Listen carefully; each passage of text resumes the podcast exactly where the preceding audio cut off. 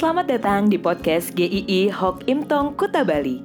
Penginjil Ray Reginaldi akan membagikan renungan harian singkat untuk membawa Anda mengenal dan menyembah Tuhan Yesus, bertumbuh dan menjadi murid Kristus, serta berdampak untuk banyak orang.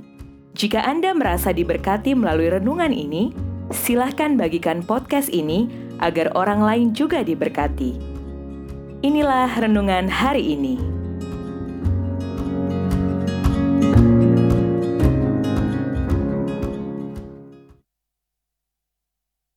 Susah sinyal.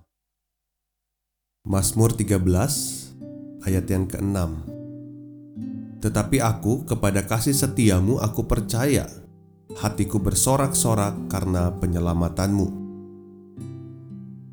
Ada beberapa riset tentang bagaimana keterikatan orang zaman ini dengan ponselnya atau internet The Telegraph mengutip sebuah riset yang menyatakan orang cenderung cemas ketika jauh dari internet atau ponsel. Psychology Today juga pernah memaparkan penelitian serupa dari lembaga riset lainnya bahwa 53% pengguna ponsel di Inggris akan dilanda kecemasan saat ponsel mereka hilang, baterainya habis, gak ada pulsa, atau ada gangguan jaringan. Sebanyak 55% dari 2163 responden mengaku cemas saat tidak bisa connect dengan teman atau keluarga saat ponselnya sedang tidak bisa digunakan.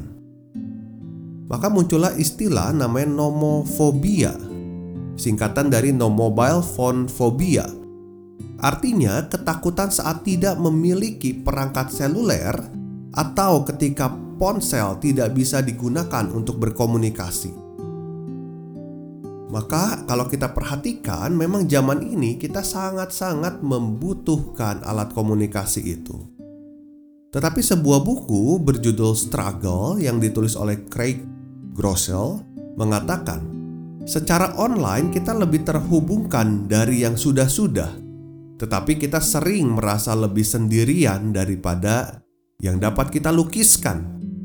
Aneh ya? Pernah nggak sih Anda mengalami kok hidup ini sepi ya? Kok berasa nggak ada temen ya?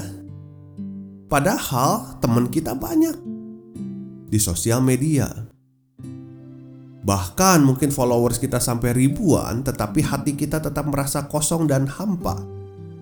Mengapa hidup dengan segudang teknologi yang bisa menghubungkan orang dari berbagai belahan dunia, tetapi merasa kadang orang hidup tanpa sinyal, hidup sendirian, tetapi ada yang lebih berbahaya lagi yaitu ketika kita sedang susah sinyal dengan Tuhan. Daud di dalam Mazmur 13 mengatakan di bagian awalnya berapa lama lagi Tuhan kau lupakan aku terus-menerus? Berapa lama lagi kau sembunyikan wajahmu terhadap aku? Seperti sudah lama sekali dia merasa Tuhan gak respon-respon doanya. Seperti orang mencet tapi tidak dibalas-balas. Kok keadaan tidak berubah? Dia merasa Tuhan sudah melupakan dia. Dia merasa bahwa Tuhan itu begitu jauh dengan dia. Daud pasti merasa bingung, sedih di dalam masa-masa seperti ini.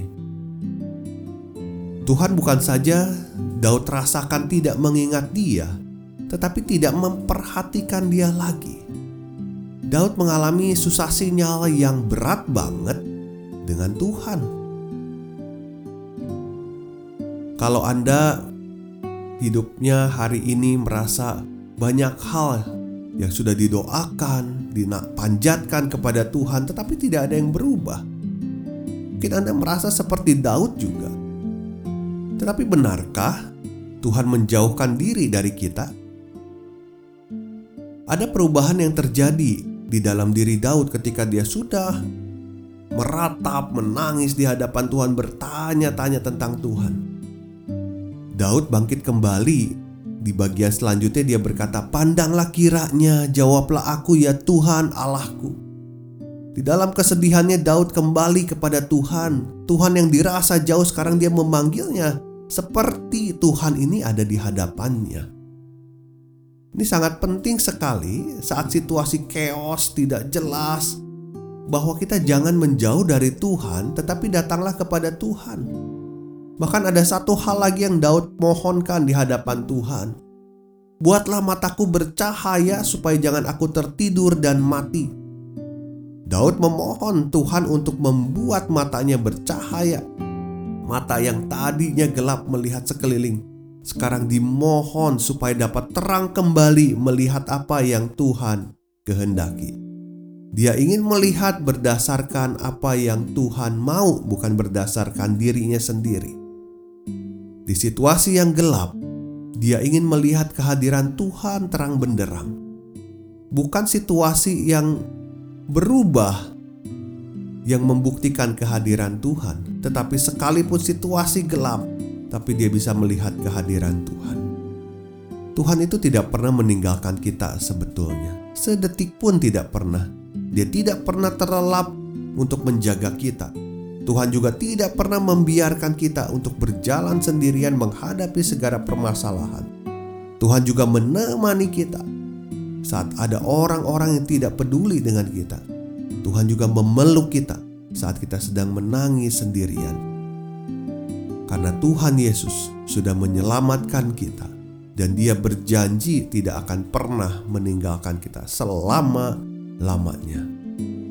Kiranya kita tetap hadir, tetap datang kepada Tuhan, meskipun kondisi kita sedang tidak baik, karena Tuhan selalu ada. Besok kita akan membahas satu tema yang mungkin sering kali ada di dalam firman Tuhan, tetapi kita sering kali juga mengabaikannya. Apa itu? Tunggu besok.